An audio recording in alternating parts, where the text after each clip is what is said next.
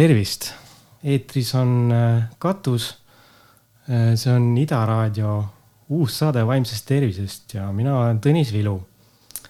Äh, pean mainima, et, et ma ei ole mingi psühholoog, aga mind väga huvitab vaimse tervise teema üleüldiselt ja ka ise olen isiklikult sellega kokku puutunud ja mõtlesin, et sellist saadet on äkki vaja teistele, kes vajavad tuge või äh, tahavad nagu tunda, et nad ei ole päris üksi. ja see on igakuine saade. ja see on nüüd esimene saade äh,. tänase saate algimpulsiks on äh, Kaarel Arb. et kes ei ole kursis, siis Kaarel Arb oli vähemalt meedias nimetati teda alati diskoriks ja ajakirjanikuks, kuigi ta oli palju rohkemat, ta oli Tartu üks äh, kultuurielu hingedest minu meelest, oli hästi ürituste korraldaja ja algataja, ühesõnaga vedur. ja koos Villem Varikuga, ma mäletan, ta alustasid, äh, panid alguse näiteks arhiivile, kultuurilokaalile ja siis Utoopia vist tuli hiljem, jah. Äh, aga ka väga hea muusikakriitik ja üleüldiselt väga inspireeriv teistele inimestele. aga ta on nagu tuntud ka ühe traagilisema asja pärast. et äh, kaks tuhat neliteist äh, kevadel läks ta kaduma päevaks, päevaks umbes niimoodi. ja ta hiljem nagu ise pöördus politseisse, ütles, et see toimus rööv, ehk siis ta lükati kuskil Zeppelini juures kaubikusse mingid võõrad mehed ja äh, sõidutasid talle ringi ja mängisid temaga justkui nagu mingit põgenemise ja kättesaamise mängu. et äh, öös, ööse jooksul või siis päeva jooksul lasid ta jälle lahti ja siis võtsid jälle kinni. aga kuidagi ta pääses tulema ja läks kohe politseisse, muidugi kui ma mäletan seda et ta läks kaduma, Facebookis oli hull nagu teema, et nagu mis mõttes, kuhu ja kui tuli välja, et noh, et mingi röövimine oli. see on tõesti nagu, mulle tundus väga õudne nagu, et tõesti, kas Tartus on mingisugune seltskond, kes lihtsalt röövib inimese ära äh,. mingiks ajaks see vaibus, politsei ei leidnud äh, neid röövijaid äh,. ja kaks tuhat viisteist kevad ehk siis umbes aasta aega hiljem kadus Kaarel jälle ära ja siis oli ka jällegi, et tõesti nagu jälle ühe korra. Äh, aga lõpuks äh, leiti Kaarel jälle üles. tollal ta ise ütles küll, et noh, et seesama juhtus, jälle rööviti, aga siis oli juba kahtlus, et kas tegu ikkagi oli röövimisega või oli, on siin mingisugune psühholoogiline tagapõhi aga minu, vähemalt minu silmis ma ei näinud rohkem enam see välja vaibus natuke kuni novembrini siis äh, või oktoobri viimasel päeval, kaks tuhat viisteist kadus uuesti ära. kahjuks siis äh, juba äh, lõplikult. et Kaarel leiti kuu aega hiljem kuskilt Põltsamaalt vanast kaaluvõost kahjuks surnuna. ja siin oli, siin oli siis järsku õhus, et äh, võib-olla oli tegu mingi psühholoogilise probleemiga. ja üks asi, mis nagu jäi kõlama, oli dissotsiatiivne fuuga. Äh, mis on dissotsiatiivse amneesia üks äh, nagu vorme. et see on nüüd suhteliselt haruldane haigus, mida siis ilmestab see, et äh, inimene äh, järsku nagu kaotab oma identiteedi või tal nagu tekib mingi üks kinnisidee, et äh, ta peab ära põgenema, see fuga tähendab, fuga muusikalises terminit, terminites kasutatakse hoopis teistmoodi, aga tegelikult see minu meelest see dissotsiatiivne fuga, see sõna fuga kasutatakse seal täpsemalt isegi ladina keele pealt, sest fuga tähendab, tuleb nagu, tuleneb sõnast nagu põgenema. Ja, ja Äh, ja inimene kaotab nagu mälu äh, sellest, ta võib tagasi tulla nagu justkui nagu Kaarel leiti ka uuesti üles. ja tal identiteet nagu tuleb tagasi, aga ta ei mäleta sellest perioodist midagi, kus ta oli nagu kuskil rändamas või äh, noh, kes teab kus, eks ole.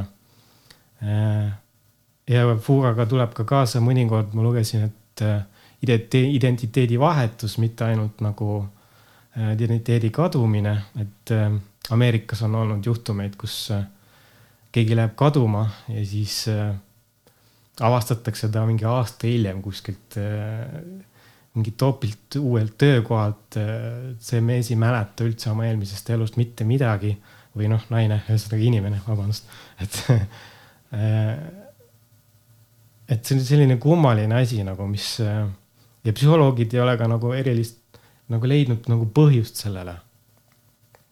ei ole ka otsest konkreetset ravi leidnud ja diagnoosida on seda raske, sest seda saab ainult tagantjärele teha.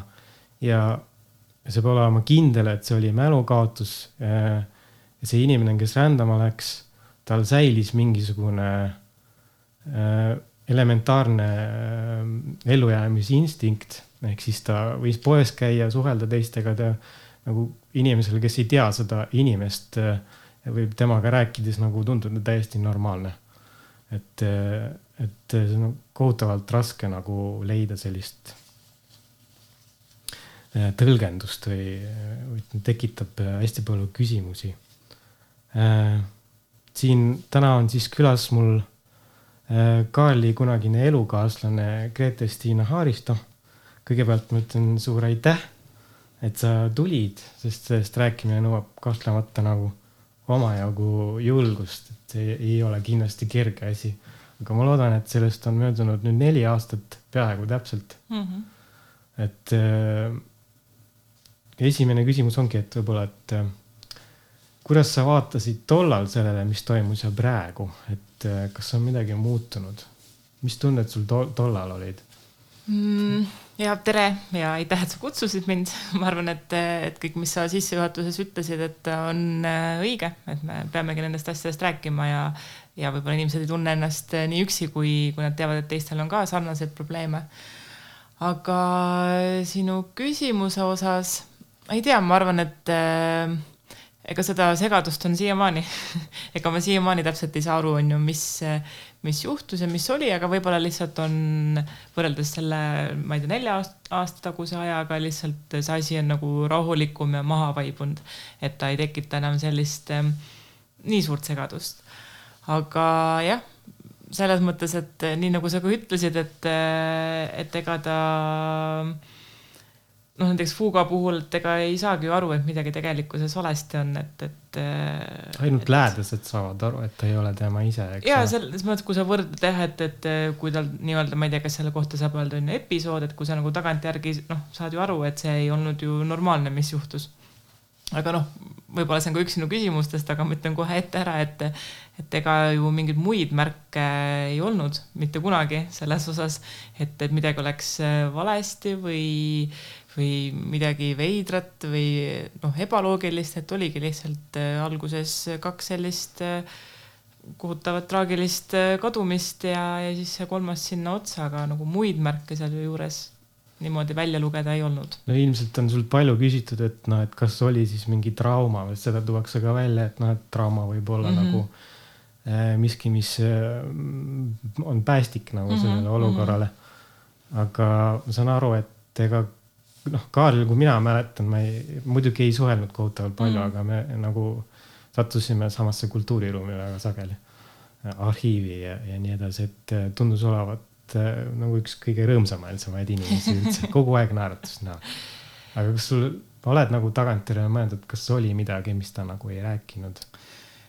ja ma usun, et kindlasti oli selles mõttes, et, äh, et noh, seda trauma osa ongi hästi raske öelda, mis siiamaani tekitabki segadust, ongi see, et kas see esimene kord see esimene kevad on ju kaks tuhat neliteist, et kas see oli ka üks lihtsalt episood selles haiguses või oli see tegelikult ikkagi päris on ju, see jääb nagu igavesti müsteeriumiks. ma lugesin, et uudistest, et noh, et sa tollal või teie koos Villemiga mm -hmm. arvasite, et see esimene võis olla tegelikult ka juhtunud esimene röövimine ja selles mõttes, et, et mina ju sain võrrelda seda esimest ja teist kadumist, et need olid mm -hmm. nagu öö ja päev mm -hmm. Kaarli seletustes ja see, milline ta oli ja, ja kuidas ta nagu ise kirjeldas, mis juhtus, et kui see esimene kadumine oli, siis kõik, mis ta rääkis, oli väga selge, ta mäletas minu jaoks ikkagi päris palju detaile Äh, ta sai selle jutu nagu otsast äh, lõpuni ära kirjeldada, natuke ajaraam võib-olla oli selles mõttes segane, et kui kaua siis öösel kestis need tagaajamised ja asjad. aga kõik muu oli tal ikkagi meeles, me ju ka läksime järgmine päev, otsisime ta asjad üles, ta teadis yeah. täpselt, kust talle midagi kukkus. Need, mis oli... Tartus ära kadusid. jah, jah, mis Tartus seal Turu tänaval kuskil mm -hmm. olid, et neid ta nagu mäletas, teadis ja ei olnud mingit häma ja segadust, et kui kaks tuhat viisteist kevadel seesama asi juhtus ja me tegelikult leidsime ta sealtsamast Turu mhm, tänavalt, mhm. sellest võsast jälle ülesse. no see oli nagu öö ja päev, ta oli, ta oli segaduses, kui ta nagu nägi meid, siis ma sain ka aru, et ta nagu tuli mingist teisest maailmast välja kui küsida, mis juhtus, siis ta oskas ainult öelda seda, et noh, nii nagu eelmine kord, aga detailid ja kõik oli nagu läinud. me ei leidnud asju enam üles, sest ta ei teadnud, kus ta need oli kaotanud, on ju, tal oli samamoodi jälle kott äh, kadunud.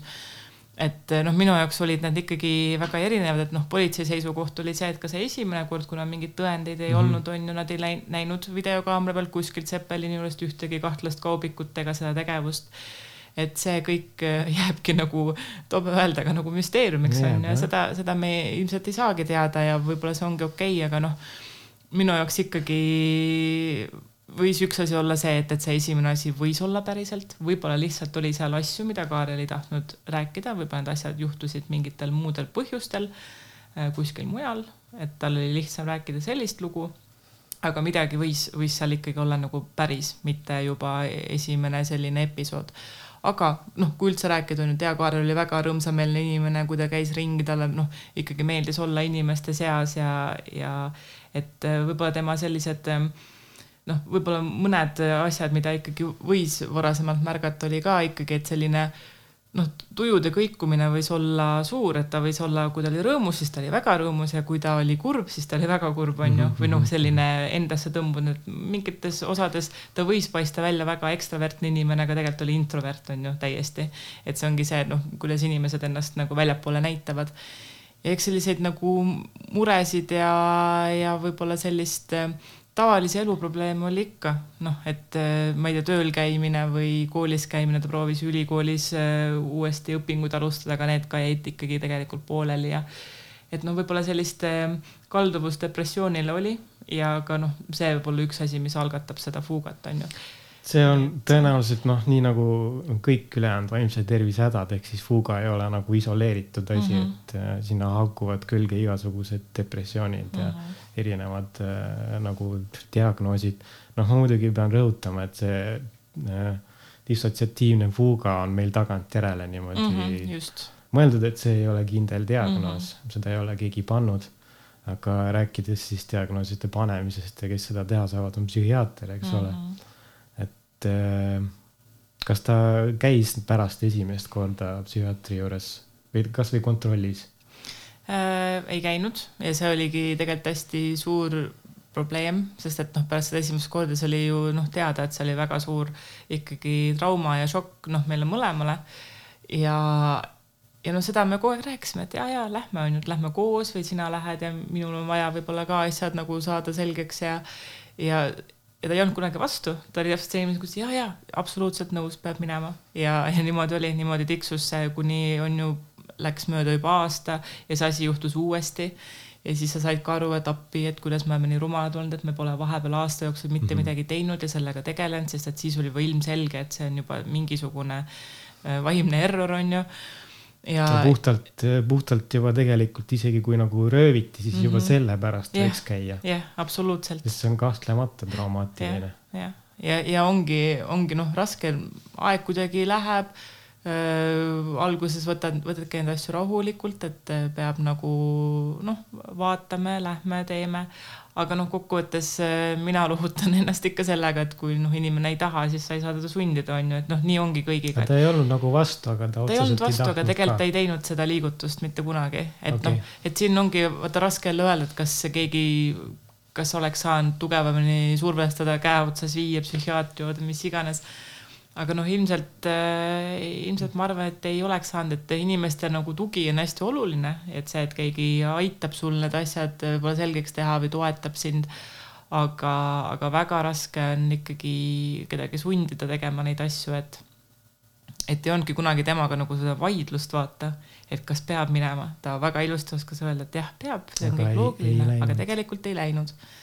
Et samamoodi ei läinud ja tegelikult ka mina, on ju mm, -hmm. ma oleks võinud ka olla võib-olla eeskujuks või mis iganes, aga, aga jah, ei läinud. ma ise olen mõelnud selle üle, et, et noh, et võib-olla mitte Kaarli puhul, aga mm -hmm. üleüldiselt on nagu vastumeelsus minna üldse psühhiaatri juurde, sest sa justkui nagu noh, sotsiaalselt võttes, et sa lähed sinna ja võib-olla pannakse sulle mingi diagnoos külge ja siis ei ole kuidagi nagu tõsiseltvõetav või mm, -hmm. või et äh, näiteks psühhiaatri juures kontrolli juures käi-, kontrollis käimine ei ole miskipärast samaväärne näiteks sellega, kui sa murrad oma käeluu ära mm, -hmm. lähed arsti juurde, juurde et seal on mingisugune, mingi, mingi stigma on taga. on, on, aga samas ma tunnen ka, et see nagu muutub võib-olla ka põlvkondadega, ma tunnen, et, et vanemad inimesed võtavadki seda kui mingit, et mis asja, et ma saan ju ise ka hakkama, et see on -hmm. väga tobe, miks ma peaks minema, mul pole midagi viga aga noh, mina nüüd ise ka pärast kõike seda olen ikka käinud ja mul okay. ei ole sellest küll kunagi olnud piinlik või ma olen sellest rääkinud sõpradega ja, ja ma tean nii palju sõpru, kes käivad ka kas lihtsalt psühholoogi juures kui mitte psühhiaatri juures. et, et tegelikult ma tunnen, et see läheb järjest, et õnneks seda stigmat hakkab nagu vähemaks tulema ja noh, kuna ma ise töötan koolis, siis ma näen ka seal on ju vanemate poolt seda suhtumist, et kui me tahame ikkagi last suunata kuhugi, kas Rajaleidjasse või psühholoogi juurde, et siis on vanemaid, kes võtavad selle tohutu mingisuguse solvangu või selle noh, hästi suur hirm on selle taga.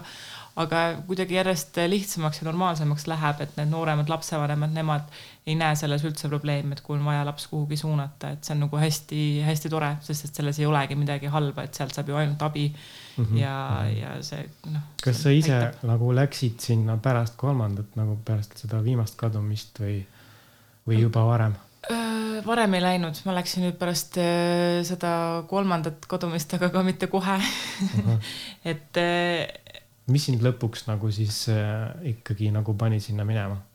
no ja vot mul näiteks oli üks hea sõber, kes lihtsalt suunas mind tegelikult mm, -hmm. kes pani mind mõtlema selle peale, et, et ikkagi võiks minna, sest noh, ma ise tundsin oma sees ka, et sellel ei ole nagu midagi viga, vaid mul oleks häbitunnet, et kui ma pean minema, aga see oli niisugune kättevõtmise asi, mis on nagu jälle väga tobe ja loll äh, käitumisviis, on ju et, et selles ei ole tegelikult mitte midagi rasket, et ma juba noh, mõnda aega seal mingi aasta aega ma tean, ma juba uurisin, küsisin teistelt, et kas te oskate soovitada, kelle juurde võiks minna ja niimoodi. aga siis lõpuks lihtsalt see üks hea sõber oli see, kes äh, viis mind nii kaugele, et ta lihtsalt käskiski, et nüüd äh, homme helistad, paned aja kinni ja nii ongi ja nii ma tegingi. kas sul oli mingisugune kergendustunne, kui sa lõpuks läksid sinna? ja, ja absoluutselt. et oli, sa tundsid, et oli ikkagi oli vaja? Ja, et, äh, et noh, eks mingeid muid teemasid ka, ega ma ei läinud ainult selle Kaarli mm -hmm. asja pärast, et eks ikka elus on mitmeid ja. asju, mida, mida lahata rääkida, aga noh, ma ütlen, ma praegu enam ei käi, et ma käisin seal tegelikult ainult mõned korrad ja ma tundsin, et mulle sellest piisas, et ma sain äh, lihtsalt kellegagi asjad äh, läbi arutada ja tegelikult sain kinnitust, et kõik, mis ma teen, ma teen praegu nagu õigesti ja, ja ma nagu, et midagi noh, ühesõnaga saingi sellise lihtsalt positiivse tagasiside, et, et ma saan asjadest samamoodi aru näiteks nagu see teine inimene, kellega ma rääkisin, on ju.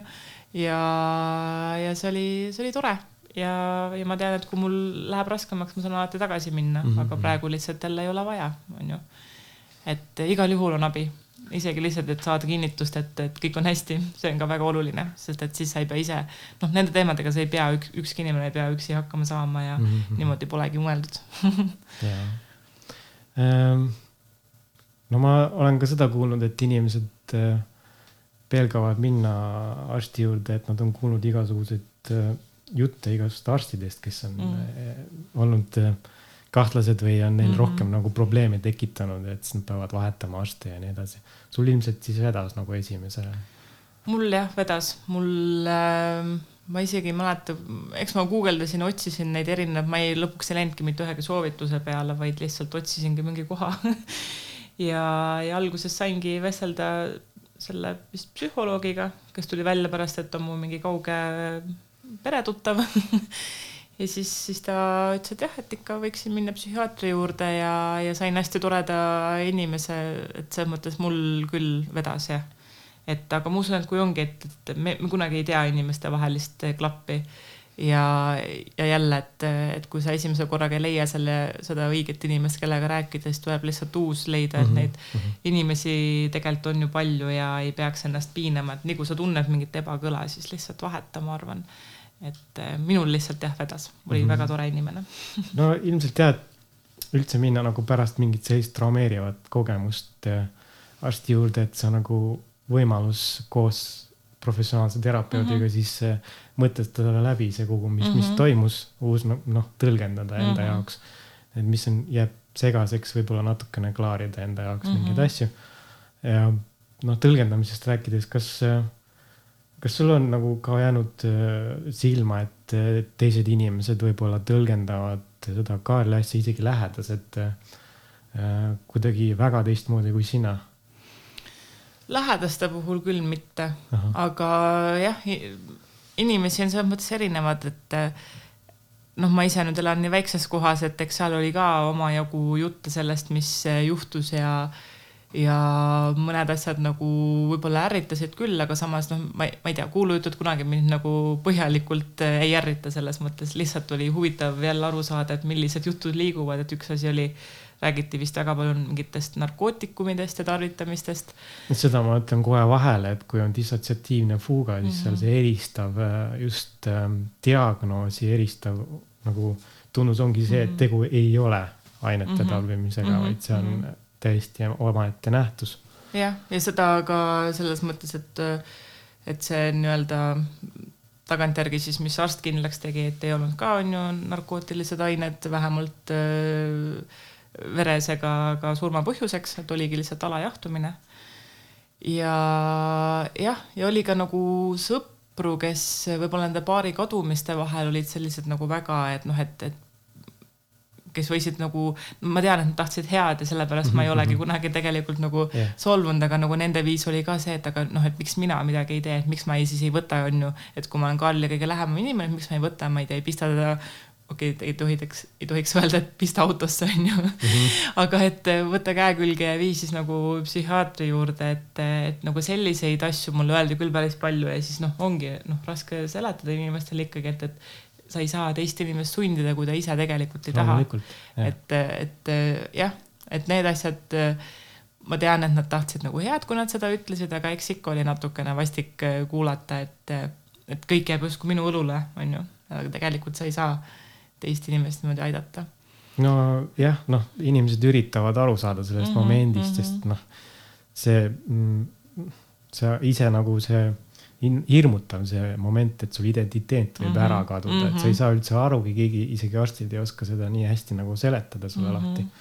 et ähm, noh, ma lugesin siin ühte lugu ühest teisest äh, naisterahvast mm -hmm. Ameerikas, kes samuti läks mitu korda kaduma, aga jäigi kadunuks ja teda ei leitud mm -hmm. üldse üleski mm. -hmm. ja siis oli äh, New Yorkeris oli pikk siukene lugu mm -hmm. ja seal oli ka äh, kommentaar siis äh, ühelt Lundi ülikooli psühholoogiaprofessorilt ja ütles, et äh, sellised momendid, kus nagu identiteedi lahustumine või, või et äh, mingid seletamatud äh, tuleb peale nagu justkui mingi teine hoog inimene kaotab iseenda ära mm. -hmm. et see mõjub teistele nii arusaamatult ja nagu peaaegu müstiliselt, et, et see muidugi praegu ei, see näide, mis ma toon, et see ei lähe muidugi Karliga praegu hästi kokku, aga tema ütles, et nagu, et erinevates religioonides mm -hmm. on mhm. olnud äh, aktsepteeritav selline depersonalisatsiooni mm. nagu moment ehk siis religioossetes rituaalides. aga noh, et see on ühesõnaga mingi kultuurilis-sotsiaalne mm -hmm. raamistik, mida inimene siis üritab nagu peale panna või üritab aru saada, mis toimub selle mm -hmm. inimesega. nüüd ma ei saanud, aa ja siis ma mõtlesin, et eh, kuna see on nagu selline arusaamatu asi väga, siis mõned inimesed kindlasti nagu kukuvad nagu arvama, et ah, et ta teeskleb seda raudselt mm, -hmm, eks ole mm. -hmm mingid sellised imelikud kommentaarid tulevad mm -hmm. kuskilt, et äh, kindlasti lihtsalt jõi rohkem ja, ja, ja läks ja, kaduma ja ta on mälukas raudselt, ta lihtsalt jõi liiga palju. ei no neid kommentaare oli küll, vaata noh, nii see esimene kui teine kord me ju panime kohe, nii kui oli, kui ma juba õhtul põhimõtteliselt sain aru, et midagi on valesti, sest et noh, et teda ei ole kodus, on ju, ja ma ei saa kätte ja nii edasi. noh, panimegi kohe vaata meediasse.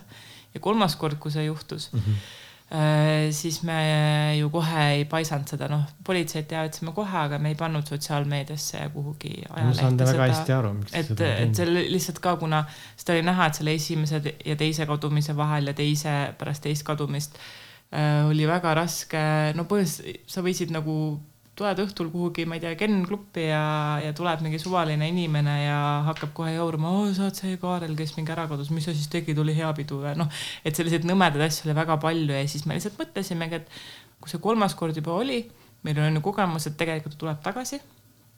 et ärme kohe pane, see on lihtsalt mm -hmm. nagu tema enda kaitseks, et pärast on see jälle kogu meedia täis aga noh, niimoodi me ootasimegi päris mitu päeva ja, ja me ei saanud ju mitte mingit infot, et lõpuks, kui me selle ikkagi ülesse panime igale poole, siis alles siis hakkas tulema mingeid teavitusi, et ikkagi kuskil on nähtud või on räägitud nähtud. temaga ja, aga need tulid ka kõik nagu jälle niimoodi, et oh, nädal aega tagasi nägime seal, nädal aega tagasi. no sellest ei ole väga mingit abi. et sellest ei ole abi jah, et, et selles mõttes oligi, et, et me ei tahtnud jälle nagu samasse ämbrisse astuda, et me kogu aeg mõtlesime, et kohe-kohe tuleb tagasi, aga tegelikkuses oli ikkagi niimoodi, et et seekord oli siis kas see noh, ma arvan, et ka see teine kord oleks võinud kesta palju kauem, aga meil lihtsalt vedas, et me läksime puhtjuhuslikult, aga see oli ainuke koht, kuhu me julgesime, oskasime minna tookord, et sealt, kus me ta asjad leidsime lähme vaatame sinna Turu tänava võssa uuesti ja ta oligi seal, aga ta oli ka sel hetkel ju täiesti nagu ära, et kui me poleks seda sealt leidnud, võib-olla see oleks ka tookord kestnud, on ju, mitu päeva ja nädalaid see, kus ta lihtsalt ringi hulgub. teine kord, kui kaua ta kadunud oli, siis ta oli. see oli ka tegelikult üks päev ja üks öö, selles mõttes samamoodi nagu esimene kord nagu. terve päeva siis tõenäoliselt oli nagu linnas sees. jah, ju ta siis ei olnud kaugemale läinud ja, ja, ja terve öö ka selles mõttes, et me ju leidsime ta järgmise päeva mingil päevasel ajal ja, ja ta lihtsalt oli seal. et ma ei tea, mis ta oli siis terve see aeg nagu teinud. kas ta oligi lihtsalt olnud sealsamas Turu tänaval, ma ei kujuta ette, no see on sihuke juba noh, võsastunud koht, ma ei mäleta. aga see on nagu see üks koht, eks ole, lugesin selle samune, noh, see ameeriklane, kes mm -hmm. kaduma läks mm, -hmm. Hannah Up on ta nimi mm, -hmm. keegi tahab vaadata või lugeda, päris huvitav. et äh, tema kadus niimoodi ära, et teda leiti tavaliselt üles kuskilt veekogu lähedalt või veest mm. Et seal tekib äh, mingisugune koht, mis jääb sisse, ma saan aru, et mm, -hmm. et Kaarli puhul siis esimesed kaks korda oli seal Turu tänava mm -hmm. juures Europka vist tööstusalal, eks yeah, ole yeah. aga kolmas kord vist ei mahu sinna mustrisse või sa ei. oled otsinud, otsinud ka mingit mustrit tema sellest äh, kadumistest? jah, seal selles mõttes, et ma olen proovinud ikka aru saada, et see kolmas kord teda nähti kohe too varahommik, siis kui oli see ühesõnaga kolmkümmend üks oktoober vastu esimest novembrit nähti ikkagi seal no Ujula Konsumi juures see sild, mis on nagu seal yeah, keegi yeah. nägi kõndimas, ehk siis ta tegelikult alustas kohe oma teekonda mööda Narva maanteed ja nagu nii-öelda. kindlasti minek. Jah, selles mõttes, aga minu ainukene seletus või noh, mis kõige nagu lähem on ja mis on natuke nagu kurb ka, on see, et, et mina ju, see oli täpselt see esimene aasta, kui mina kolisin Palale, ehk siis too hetk oli ta veel Jõgevamaa ja see ongi täpselt see tee, mis viib nagu eh, Jõgeva poole, Jõhvi maantee ja Tabivere ja kõik mm -hmm. see kant, et Pala on küll natukene eemal aga noh, see oli mu ainukene mõte, miks ta peaks nagu sinnapoole liikuma, et kas ta üritas nagu, võib-olla see on natuke liiga dramaatiline tulla minu juurde, ma ei tea seda. aga, aga jah, et see on ainuke seos, mis, mis mulle pähe tuli. aga, aga ta siiski et... nagu leiti üle, üles ikkagi Põltsamaalt, eks ole. sest et, et ilmselt ta liikus siis mööda seda, et või noh, mitte ilmselt, vaid liikuski mööda seda teed, mis siis äh, lähebki jah äh,, Põltsamaa poole. et seal on ka nagu tee hargnemine, et kas sa lähed mööda Jõhvi äh, maanteed või lähed sa siis sinnapoole, mis on Tabivere mm -hmm. ja, mhm. ja need. et noh, seal teda ju nähti, Tabiveres oli ta käinud poes ja. kas, nojah, see on ilmselt politsei võib-olla vaatas ka või, kas tal neid kaardimakse asju sai ka vaadata pärast nagu seda ajalugu um,? Vot tegelikult, kui ma nüüd õigesti mäletan, siis seda vist ikkagi ei kontrollitud. et ma ei teagi, kui lihtne politseil on äh, pangaga, pangalt seda infot ole, saada, et vist väga ei, ei saadagi. et, et noh, Tabivere pood oli see, kes ütles, et nemad kindlasti nägid ja ta oli ja ostis seal mingeid erinevaid magusaid alkoholivabasid jooke ja. just nimelt joogid, eks ole. aga mitte süüa mm -hmm. näiteks. aga ma sain aru, et ta, kui ta leiti surnud, siis ta oli juba paar nädalat juba. ja, ja et te, tegelikkuses kogu see rändamine kestiski kaks nädalat, et mm, -hmm. et siis kui ta leiti, siis ta oli juba kaks nädalat surnud, nii et noh, kuu aega hiljem leiti ülesse. aga, aga jah, et umbes kuskil kaks nädalat oli siis kestnud see, kus ta siis ilmselt jala äh, nagu infot selle kohta et keegi oleks ta auto peale võtnud, no tegelikult ühe ma sain no,, inimesed ka hästi nagu, no hästi palju infot tuli läbi meedia, inimesed võtsid ühendust, aga noh, mõned sa said kohe aru, et on nagu, et ei ole õige, et see ei ole nagu, ei räägita Kaarlist, et et noh, mida mingid riietused või, või välimus mm -hmm. ei lähe kokku et noh, üks, üks inimene oli, kes ütles, et oh, et ma vist võtsin ta auto peale kuskil ja viisin natukene edasi, aga ülejäänud aja tundus küll, et, et need, kes ka teda nägid, siis ta hoidis ikkagi nagu teevarju, et ei kõndinud tee ääres, vaid kuskil mm -hmm. nagu paralleelselt maanteega. et äh,. jah ja., siis noh, sellises episoodis jääb mulje, nagu ta ei taha, et teda üles leitakse, eks ole mm -hmm.. noh, see ongi see nagu põgenemise aspekt. aga noh, ega seda meedia, keegi ei tea, miks põgeneda mm. -hmm. Mm -hmm. Mm aga ma mängin vahelduseks muusikat äkki. jah.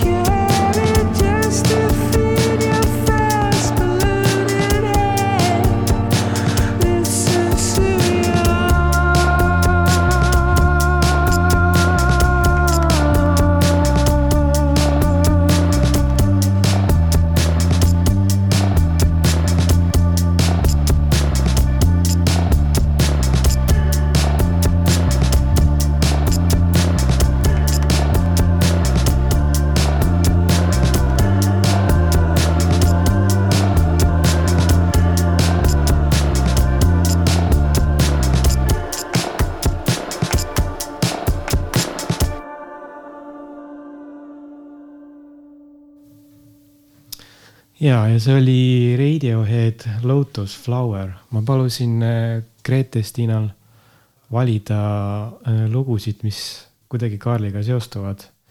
et äh, miks sa selle loo näiteks valisid, kas sul on mingisugune mälestus sellega? ma lihtsalt otsisin mingit head Radioheadi lugu, selles mõttes, et Radiohead meeldis Kaarlile väga. ja noh, see, see laul ka, sellel on väga äge video, vaadake kes ei ole näinud, aga jah, sihuke noh, muusika ja no muusika teema on niikuinii Kaarlile hästi oluline, nii nagu sa ka sissejuhatuses ütlesid, et et me vahel ka kutsusime teda popkultuuri isaks mm. -hmm. täiesti ja, kindlasti ja habe oli selle vääriline. jah, absoluutselt ja, ja samas ka just noh, mitte ainult on ju muusika, kõik muud kunstivormid ka juurde, et talle väga meeldis äh, videoid ka nagu juurde vaadata, noh mulle endale ka, et siis äh, lihtsalt see lugu seostus kohe sellega, et sellel on jälle kihvt äh, video juures, et, et mitte ainult hea lugu. kas äh, noh, Kaarel mõjutas paljude igasuguseid muusikamaitseid või tutvustas inimesi muusikale, mida nad võib-olla ei oleks nagu niisama avastanud. et kas ta lasi ka sulle palju muusikat teha? Oo oh jaa. Ma arvan, et minu nagu, kuna me ju kohtusime siis, kui ma olin veel jah, kaheteistkümnendas klassis, ehk siis tegelikult kõik see ja kõik see aeg, kui, kui sa ise nagu avastad ja kujundadki oma mingit noh, arvamust ja, ja mis sulle meeldib ja mis ei, et siis nagu Kaarl, mul oli küll väga suur mõju ma arvan, et minu muidu muusikamaitse oleks kuhugi hoopis teise kohta kujunenud mm.. et, et ei, muusika oli ikkagi see põhiline teema, millest me nagu kodus ka rääkisime ja tal oli ju see blogi Pop-Pop, mida tegi, kus ta tutvustaski inimestele igast mingeid mm. ägedaid mm. laule, mida muidu keegi võib-olla kuskilt ei leiaks ja ei teaks ja selline noh, mida ta peamiselt kodus tegi, oligi see muusika otsimine ja läbikuulamine ja siis mingite ägedamate laulude nagu neid me kuulasime siis kodus päris palju. et eh, jah, aga jah, lisaks veel nagu mingid teised asjad ka, et sarjad ja filmid oli ka see teema, millest ta ennast. raamatud nagu väga... ka vist. ja raamatud ka absoluutselt ja et et seepärast oligi nii-öelda nagu see popkultuuri isa, et teadis kõigest kas sa nüüd äh, hiljem, kui sa oled näiteks muusikat kuulnud või mm. avastanud, et äh, kas sa oled vahepeal sattunud mõtlema ennast, et näiteks see meeldiks talle kindlasti oh, jaa, väga? jaa, ma vahepeal mõtlesin, kui ma täna, tänaseks otsisin muusikat, et oleks võinud ka nagu võtta selles võtmes, et mis on nagu nüüd tulnud, mis ma eeldaks, et Kaarlile meeldib. aga, aga samas jälle leida mingit loogikat selles, mis Kaarli jaoks oli hea ja ei, sellest oli väga raske aru saada, nagu siiamaani mõtlen, et olid mingid laule, mis sa mõtled nagu täiesti suvalaul, aga tema leidis selles mingeid jumala ägedaid nüansse ja siis, kui ta nagu ta oskas selle alati ära põhjendada, miks see laul on hea, miks see on näiteks halb või ei kõlba mitte kuhugi ja seal oli ikka sihuke teaduslik seletus asjadel, mitte lihtsalt nagu mingi sisetunde järgi, et ah, see on kehv, vaid nagu see oligi äge, et, et, et oskas nagu väga ära lahterdada et noh, praeguse muusika kohta ka ma olen nagu mõned üksikud lood on need, mis ma olen mõelnud, oh jaa, see oleks raudselt olnud nagu see, mis Kaarlile meeldiks. no näiteks mis, kas sul tuleb? mul ei tule tegelikult praegu okay. üldse meelde, need on, ma mõtlesin küll, aga, aga praegu mul kohe niimoodi ei tule, et, et jah, ei, ma jään praegu vastuse võlgu jah mis sa arvad, kas Radioheadi viimane plaat oleks talle meeldinud? ma arvan küll, ma no selles mõttes, et Radioheadi fänn ta oli nagu piisavalt, et, et ilmselt oleks see ka väga hästi peale läinud. et äh, jah, jah äh,. Äh, ma mõtlen, et äkki ma küsin siis, et äh, pärast kogu seda äh, teemat ja pärast Kaali nagu äh, surma ka, et sa läksid, ütlesid, et sa läksid teraapiasse ka mm. -hmm. aga kas sa mäletad, mis äh, oli esimene selline päiksekiir või positiivne helk, mis sa mm -hmm. pärastpoole tundsid? mis no,, kas või mingi väiksem asi, kas või jumal teab. no tegelikult, kui ma üldse mõtlen kogu selle asja peale, siis äh, ma ei tea, võib-olla noh mul nagu võib-olla väga sellist suurt äh, nagu auku langemist iseendal ei olnudki, võib-olla ka see oli see põhjus, miks ma kohe ei läinud, on ju, teraapiasse, et, et kogu see asi oli minu jaoks lihtsalt segane, aga nagu sellist asja ma ei tundnud, et ma oleks kuhugi nagu väga sügavale, sügavale langenud või et mul oleks sellest äh, depressiooni tekkinud. et pigem oligi see, et lihtsalt see oli tohutult äh, arusaamatu ja väga kurb. aga ma arvan, et mind lihtsalt aitas ka tol hetkel see, et mul oli kõik muu elu oli ju vaata nagu nii-öelda uus ja pöörane, ma olingi Jah. kolinud kuhugi väiksesse kohta äh, hakanud tegema tööd, mida ma polnud kunagi teinud. Palakooli ja õpetajaks, õpetajaks, et ma ei olnud õpetajaks õppinud ka, et ma läksin läbi Noored Kooli programmi sinna, mis tähendaski seda, et põhimõtteliselt sind visataksegi klassi ette ja siis sa paralleelselt siis nagu õpid seda teooriat juurde. Et no kõik on see ühesõnaga midagi muud, mille peale jah nagu, millega kogu aeg rõhk, jah, rõhku panna. samas muidugi see on ka ohtlik, et siis sa võidki nagu jätta kogu selle murekoha lükata eemale. aga mind ta pigem ikkagi selles mõttes aitas, et ma sain ise nagu valida, millal ma selle eh, teemaga, noh, Kaarli teemaga nagu tegelen või millal ma selle peale mõtlen ja, ja siis jälle nagu sul tuleb muu asi peale, et siis lähed jälle teed tööd. Et see oli nagu noh, ju siis pidi nii olema, onju, et ma just siis nagu sattusin sinna palale ja et nii nagu suur elumuutus oli. aga jah, niimoodi konkreetselt ma vist isegi ei oska öelda, millal see selline esimene päiksekiir oli, et, et eh, pigem oligi, mis ma nagu siiamaani mõtlen, et kui, kui tihti tuleb Kaarel mõttesse näiteks, see on üks asi, mis ma tunnen, et on nagu indikaator selle osas, et kui palju on läinud aega möödas või kui nagu ise peas asjad nagu oled ära protsessinud või, või palju sa nagu üle oled saanud et Kaarel tuleb endiselt mingite asjadega kogu aeg meelde või täiesti ka suvalistel hetkedel sõidad autoga ja siis nagu äkki tuleb. aga jah, alguses oli seda ju tohutult palju rohkem, oligi kogu aeg selle sees ja siis ta lihtsalt jääb järjest nagu niimoodi rahulikumaks ja mm. -hmm. ja suuremate intervallidega ja aga võib, kas see võib-olla aitas ka see, et kadumiste vahepeal äh, nagu Kaarel tundus, et ta tuleb sellest välja kohe? ja ei. tundus, et see ei ole nagu mingisugune, et ta ei ole päriselt kadunud, vaid seal oli mingi episood, aga vahepeal jälle nagu lootus on nagu kõrgem, et noh. ja no nende, see nagu vahepealne aeg nende kadumiste vahel, seal oligi nagu jälle asjad ju läksid jälle nagu tagasi normaalseks ja, ja ja noh, noh niimoodi tagantjärgi saad ikkagi aru, et kokkuvõttes ega ei läinud kunagi tagasi normaalseks, et mingisugune mm -hmm. sihuke tumedam ja süngem varjund jäi talle kogu aeg nagu külge. näiteks hästi huvitav oli see, et pärast seda esimest kadumist ähm, ähm, kui ta enne veel nagu noh, ta oli suur habe onju, kui ta enne veel seda piiras Jah. või nagu siis pärast seda null lihtsalt lasigi täiesti met- metsikult kasvada. et võiks ju arvata, et võib-olla, et, et tal on nii vastik tunne, et võib-olla selle noh, habeme pärast seda kogu aeg ju märgati ja Jah. mõned norisid, mõned kiitsid, mis iganes. et ta oli kogu aeg selle habemega kuskil kellelegi pinnuks, et äkki üldse oleks võinud olla nii, et pärast esimest kadumist ajab üldse habeme ära, et ta ei taha, et keegi teda nagu märkab või näeb ilmselt keegi ei oleks seda ära tundnud ei oleks absoluutselt, nagu mina olen näinud ka ju ainult piltide peal ja see on ikka teine inimene aga et oligi, et temal hoopis oli see nagu niipidi, et siis ta just järjest rohkem nagu lasi sellel habemel kasvada või ma ei tea, see on nagu minu jaoks oli niisugune nagu sümboolne tähendus pigem, et et nagu sellest Kas see- hoolimata. noh, mulle esimene nagu, kui ma, ma lugesin ka sellest mm. -hmm. uudistes, et ta nagu pärast ei tahtnud seda habeme, seda habeme Mhm. asja oli mainitud mm. -hmm. Et mul jäi esimene nagu mulje sellest, et see on nagu, et äh, jah, nüüd mõnitati selle habeme pärast mm, -hmm. nüüd ma Mhm. kohe ekstra tean. ja, ja, ja oligi, see oli väga Kaarli, Kaarli moodi selles Ja. mõttes, et, et mitte nagu jah, et ta just oligi no, natuke sellist krutskit täis, et keeras just vindi pigem juurde, et see oli tema stiil kõikides asjades, et natukene panna eh, vinti asjadele juurde, et, et see oli ka ilmselt tehtud eh, võib-olla niimoodi alateadlikult võib-olla. Et aga jah, need kadumiste vahepealsed ajad, need eh, kuidagi jah, kokkuvõttes elu nagu läks jälle ju edasi ja, ja asjad eh, toimisid ja, ja jah ja sul nagu pärast näiteks teist kadumist, siis kui Kaarel ise ei suutnud päriselt nagu mäletada mm -hmm. ka, Mhm. mis temaga juhtus. ja siis oli kohe kindlasti õhus, et noh, et siin võib olla psühholoogiline mm -hmm. probleem. Et kas ei tekkinud tunnet, noh, te leidsite sealt kuskilt Turu tänavalt mm, -hmm. Mhm. et te tundus olevat täiesti endast väljas, mitte noh, mitte endast mm Mhm. -hmm. väljas, vaid see on vale. mujal. ta on mujal mm. -hmm. ta ei ole päris, ta ei ole ise noh, Mm -hmm. et aga ta tuli siis kiiresti välja, eks ole, suhteliselt.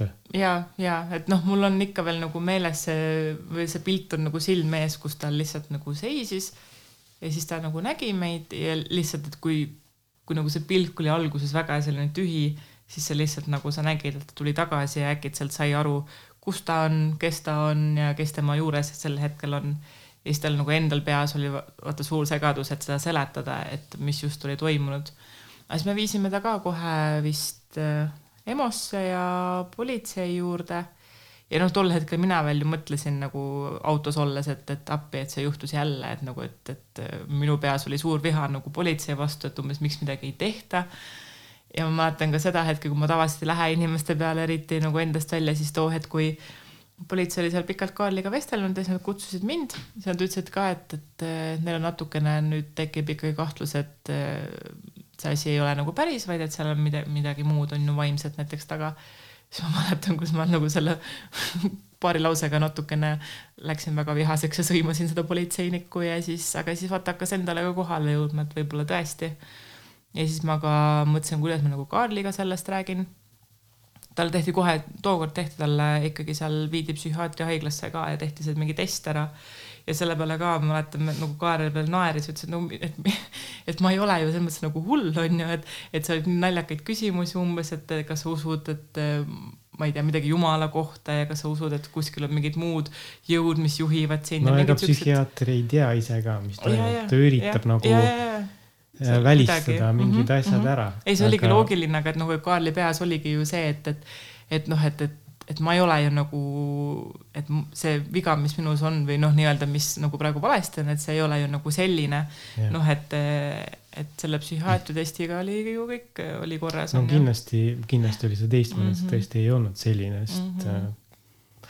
Sest on palju raskem nagu aru saada, mis toimub üldse ja võib-olla püüti lihtsalt aru saada, kas see on ka vaata noh, võib-olla ju ka väga sihuke skisofreenia ehtne, et noh, et keegi ajab mind taga ja ma põgenen, vaata, et, et ta läheb nagu selles mõttes skisofreenia võis olla üks asi, mida alguses nagu arvata aga kuna ta kõik ülejäänud aja ju oli täiesti normaalne, mitte ühtegi nagu märki sellest, et, et ta midagi arvaks veidrat või midagi ebaloogilist, on täiesti null, täiesti. kas sul näiteks pärast teist kadumist teil nagu sul ja siis Villemi lähedastel mm -hmm. ei olnud niimoodi, et vahepeal vaatab nagu Kaarile otsa, kas ta on päris või, või noh, selles mõttes, et kas ta, kas ta on ikka ise nagu, et. ei, mina vähemalt enda, ma küll ei mäleta, et kordagi oleks olnud seda, et ma nüüd kahtleks, et midagi on valesti, et ei tekkinud mingit hirmu ega midagi vaata või ebamugavust, et äkki ta nüüd on jälle mingis selles teemas, et ei olnud, kõik oli nagu jälle tavaline, ta oli ju väga nagu tark ja tark ja arukas inimene ja hästi intelligentne, et et noh, kõige hullem ongi see, et sul nagu muul ajal ei ole mitte ühtegi märki, et see asi tuleb lihtsalt nii ootamatult,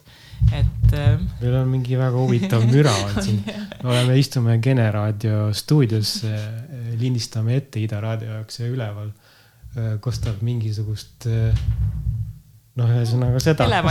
elevant ma ei tea, kas see raadiokuulaja kostab, aga loodet-, loodetavasti. loodame, et väga ei. Nagu ei häiri mm. -hmm. et noh ma, ma tean inimesi, kes on kokku puutunud nagu lähedastena äh, psühhoosiga näiteks mm, -hmm. mis on muidugi väga teistsugune asi, sest see on järk-järguline selline.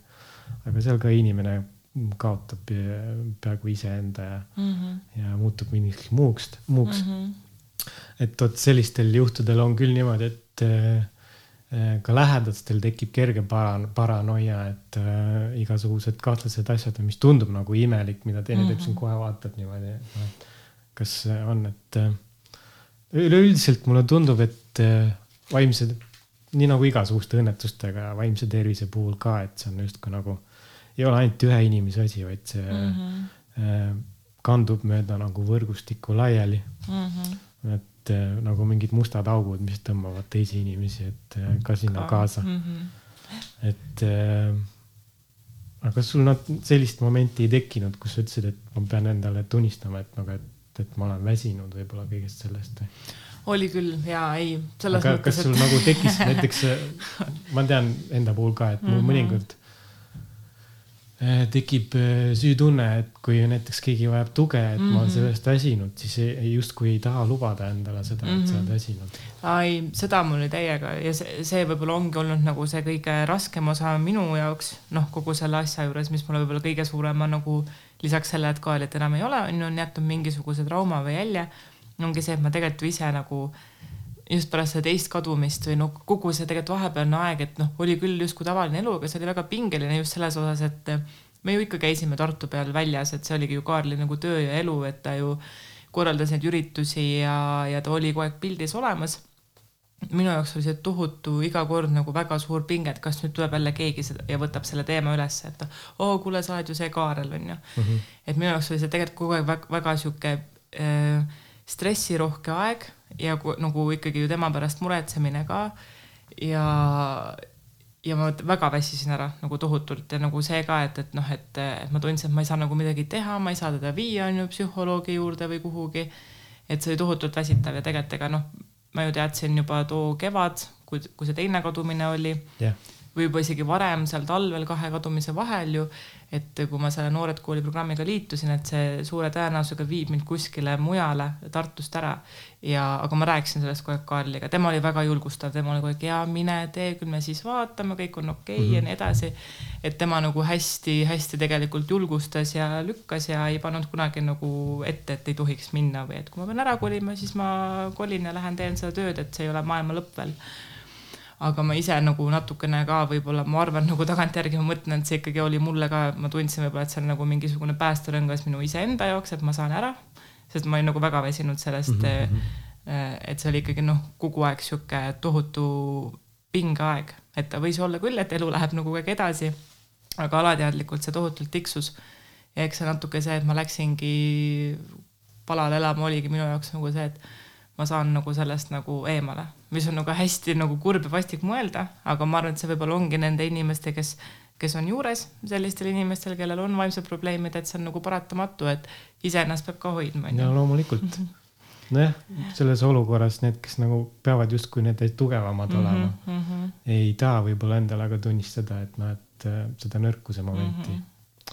-hmm. võib-olla viimase küsimuse küsin, et äh, sa mainisid palale minekut ja sa oled praegu palakooli direktor mm, -hmm. eks ole, juba vist kolmas aasta või? jaa, kolmas aasta jaa. et äh, kogu sellest situatsioonist või Kaarliga juhtunust, et kas sa oled kaasa võtnud nagu mingi vaimse tervise teemaga või noh, teadlikkuse mm -hmm. kooli kaasa mm -hmm. oma õpilaste puhul näiteks, et. Äh, ja äh, noh, üldse see vaimse tervise, kuna, kui oled ikka ise sellega nagu lähemalt kokku puutunud, siis see muutub sinu jaoks igal juhul äh, oluliseks ja, ja jah, ma olen nagu proovinud äh, ühest küljest ongi see, et, et äh, kaasata või tuua nagu kooli ka neid inimesi rääkima, kes räägivadki vaimsest tervisest, on ju, see peaasi on meil käinud ja ja just nagu avaldada seda pilti või, või näidata ka lastele, et see on jumala okei okay,, kui sa ei saa, et inimene ei peagi kõigega saama hakkama, et kõikide nende tunnete, emotsioonidega ja asjadega, mis elus juhtuvad, et et äh, ühest küljest lihtsalt julgustada, et see on väga okei okay sellest rääkimine, et inimeseõpetust ma andsin ka lastele mm -hmm. päris mitu aastat, et, et seal ma sain väga palju seda teemat käsitleda. ja, ja noh, see, mis ma enne ka mainisin, et äh, hästi huvitav on jälgida seda muutust ka lastevanemates, et nemad ei pea seda enam nii suureks äh,, nii vastuoluliseks või, või suureks stigmaks, kui nende laps vajab mingisugust abi et, et see on täiesti normaalne ja ise ka suhtuda sellesse, et see ongi jumala okei okay ja julgustada, et selle, selle ma olen kindlasti kaasa võtnud. mis sa arvad näiteks palakoolis, kas noh, sa ei saa muidugi täpselt mm öelda, et kellel lastel võib-olla, võib-olla on näha, et neil on probleeme nagu vaimselt või midagi või noh, neil mm, -hmm. neil on mhm. raske koolis kasvõi mm. -hmm. aga et mis sa arvad, kelle poole nagu sinu kooli lapsed esimesena pöörduvad, võib-olla sellisel puhul, kui pöörduvad? No ma võin kohe öelda, et äh, meil ju koolis, meil on ju õpilaskodu ka ja tegelikult äh, sinna tuleb ka palju lapsi, kellel võib-olla ongi sellised äh, keerulisemad perekondlikud taustad. et sellist käitumisraskuseid ja probleeme on ikka päris palju ja tuleb järjest juurde, noh üldse tänapäeva noortel. et lihtsalt väikses koolis sa loodadki, et õpilane leiab omale kellegagi selle kontakti, mõne täiskasvanud inimesega, kui tal seda kodus ei ole, et, et, et vähemalt see inimene oleks tal koolis olemas et äh, õpilaskodu laste puhul ma tean küll kindlalt, et meil on üks äh, ülihea kasvataja, kelle poole kindlasti lapsed pöörduvad, kui mingisugune mure on. meil on koolis ka olemas äh, nii-öelda sotsiaal- ja noortenõustaja mm, -hmm. psühholoogi kahjuks ei ole, sest et ei ole seda inimest leida kas äh, lihtsalt sellepärast, et puudus on või on spetsialistidest on puudus, noh, väike kool ka, et me ei saaks niikuinii pakkuda, on ju, täiskoormust, aga, aga me oleme otsinud niimoodi seal naaberkoolide peale, et leida see inimene ja noh, me nüüd võib-olla viimane aasta aega jälle pole otsinud, sest me tõesti pikalt proovisime ja ei leidnud seda inimest, et, et noh, tuleks võib-olla nüüd jälle uuesti äh, otsima hakata.